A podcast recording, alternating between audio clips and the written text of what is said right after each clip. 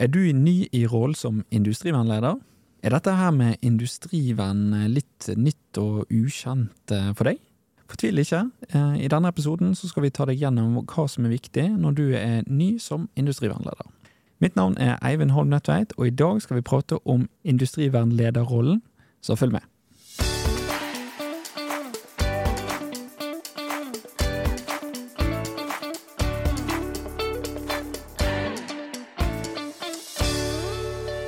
Og i dag, som vanlig, har jeg fått med meg min eh, gode sjef, Knut Oskar Gilje, for å snakke om denne rollen som industrivernleder.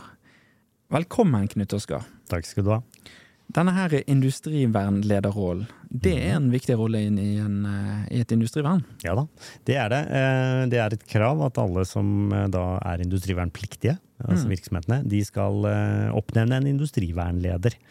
Eh, og en industrivernleder er den som har den administrative funksjonen, altså som skal sørge for at industrivernet driftes, da, for å si det sånn, i det daglige. Bygge det opp om det er nødvendig. Sørge for at det tilfredsstiller de kravene som, som kommer fram av vår forskrift.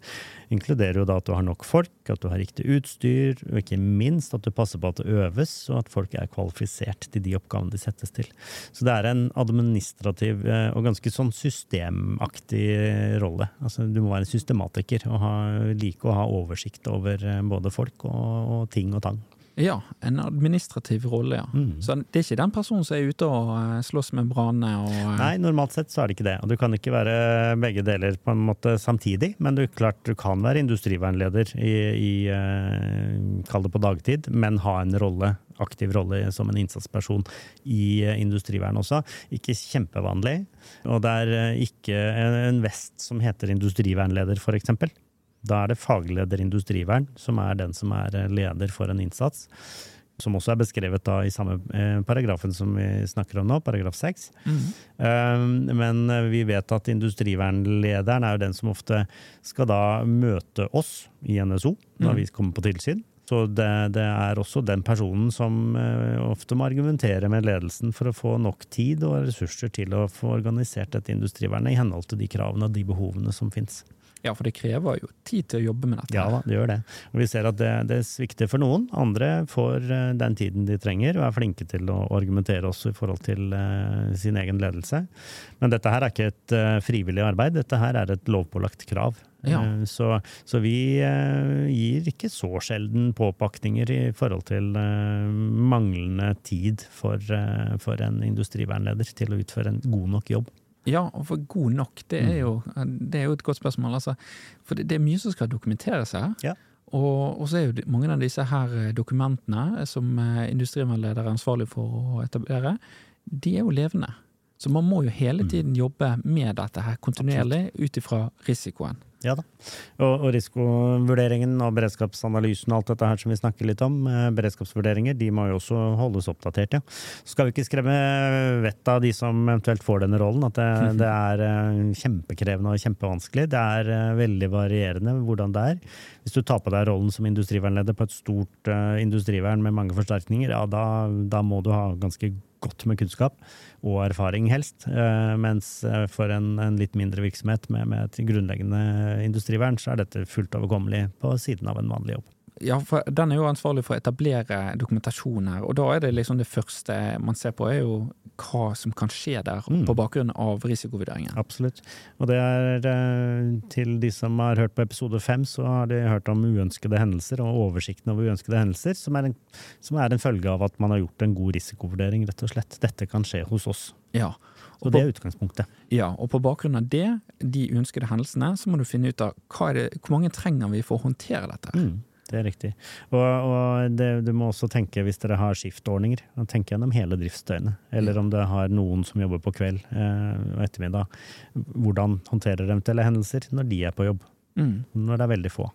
Dette står det mer om i, i, i de ulike paragrafene eh, som vi har snakka litt om i tidligere podkaster. Så det er jo et, et, triks og tips til en som er ny industrivernleder, er faktisk å sette seg ned og, og, og bruke tid på å høre gjennom eh, denne podkastserien.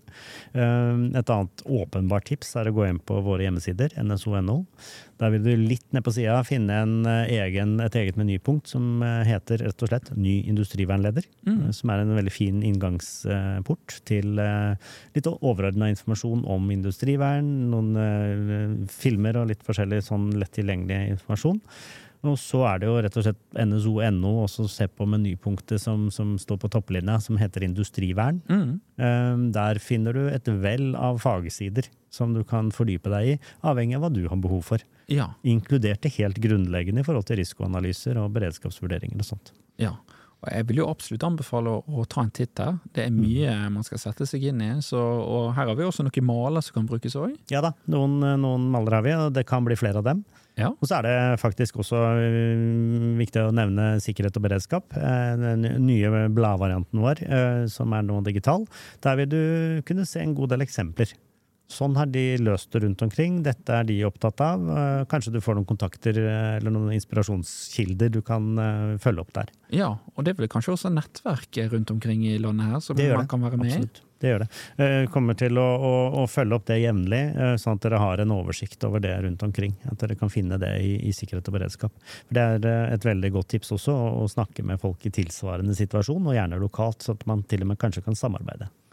Det er ikke utenkelig at eh, naboen borte i gatene har vært, eh, eller er med i et eh, samarbeid eller et nettverk. Det kan være. I hvert fall hvis man er i en sånn eh, park eller lignende. Ja. Der er det ofte løsninger som, som uh, sikrer at du faktisk kan få ganske mye hjelp av, av nabobedrifter, og kanskje har et sånt slags felles industrivern, som noen kaller det. I Mm. hvert fall at det er samordna, det er jo også et krav i vår forskrift. Da. Det har vi snakka om i tidligere episoder. Så eh, det er bare å gå tilbake i arkivet og sjekke ut hva du eh, har mest behov for. Ja, du vil kanskje tipse også om denne podkasten? Det har jeg akkurat gjort, så det vil jeg gjerne gjøre, ja. Det jeg også vil, eller det jeg vil Men du Knut Oskar, så er jo det også dette her med å få litt opplæring i dette her. Eh, Og der har jo NSO også et kurs som vi tilbyr i forhold til eh, for de som er nye som industrivernleder. Ja da, det har vi. Eh, Fordi det er mange som er i den situasjonen. Det- byttes en god del industrivernledere rundt omkring, ser vi. Så vi har et eget kurs om, industrivernforskriften. Mm. Det er vel opptil åtte eller ni kurs i hvert fall hvert år på forskjellige steder. Ja. Igjen så er NSO.no stedet hvor du finner informasjon om våre kurs. Eh, Der finner du da ganske kjapt dette forskriftskurset. Eh, Det er Lillestrøm, det er Bergen, det er Stavanger og det er Trondheim som er de lokasjonene som, som vi har valgt. Så der må du bare prøve å finne. Det blir fort fullt. ja. Så der må du eh, være rask på labben hvis du ser at det er et kurs som passer deg perfekt, både i tid og, og, og riktig sted. Så det er ikke noe å nøle på. Jeg vet at eh, mange av vårens kurs allerede er eh, fulle. Ja, og jeg tenker jo at um, hvis man vet at uh, man skal bli industrivernleder på sikt, så jo, Mm. kan det være greit å, å starte litt tidlig, sånn at um, når man begynner i arbeidet, så blir ikke man helt skremt vekk. Ja, det, det er riktig. Og så vil jeg faktisk også oppmuntre de som har vært eh, industrivernledere ganske lenge, og lenge siden de har hatt en sånn type gjennomgang av forskriften. Det har skjedd en god del de siste fem, seks, sju, åtte årene. Så hvis du har vært industrivernleder i 15-20 år, eh, så, så er det greit å sjekke om du er oppdatert. Ja. Og så går det også an å lese forskriften. Ja, absolutt. Det ligger også på den eh, mye omtalte NSO.no. Mm. En egen sak som heter Regelverk. Ja, og en veileder til denne Ja, en fantastisk liten veiledning som da eh, er eh, i samme, kall det trykksak, med, i, men altså samme PDF som du kan laste ned på våre sider. Ja, fordi forskrift er en ting, men en veiledning til forskriften, det bidrar til at eh, det blir litt lettere å forstå hva vi faktisk mener med dette. Mm. Der utdyper vi en del og gir noen eksempler. Prøver å være så konkrete som vi kan. Nå er det jo veldig stor forskjell på hva, eh, hva den enkelte virksomhet har behov for, men det prøver vi også å reflektere da i veiledningen. Mm. Eh, Så den eh, tenker jeg er litt sånn selvsagt at en industrivernleder har vært gjennom. Men da tror jeg vi egentlig har det meste til deg som er industrivernleder. Og hvis det er noe du lurer på nå når du er ny, så er det bare å ta kontakt med oss også. Vi er på tilbudssiden, og det er bare å plinge på på post1nso.no, eller ringe på telefonen vår. Yes. Eh, har du noen siste tips, eh, Knut Oskar, til de som skal være ny industrivernleder? Nei, det er å, å tørre å være nysgjerrig, og, og som du akkurat nevnte, altså ta kontakt med oss hvis det er noe du lurer på. Søk eh, gjerne lokale nettverk, men først og fremst gjør deg kjent med virksomheten din hvis du er også ny der. Og, og hvis du har bytta rolle, så, så, vil du oppdage at du plutselig får behov for et eh, kanskje annet overblikk enn du har hatt i en tidligere oppgave. Mitt tips det er å lese forskriften. Ok, Tusen takk for at du bidro til episoden, Knut Oskar.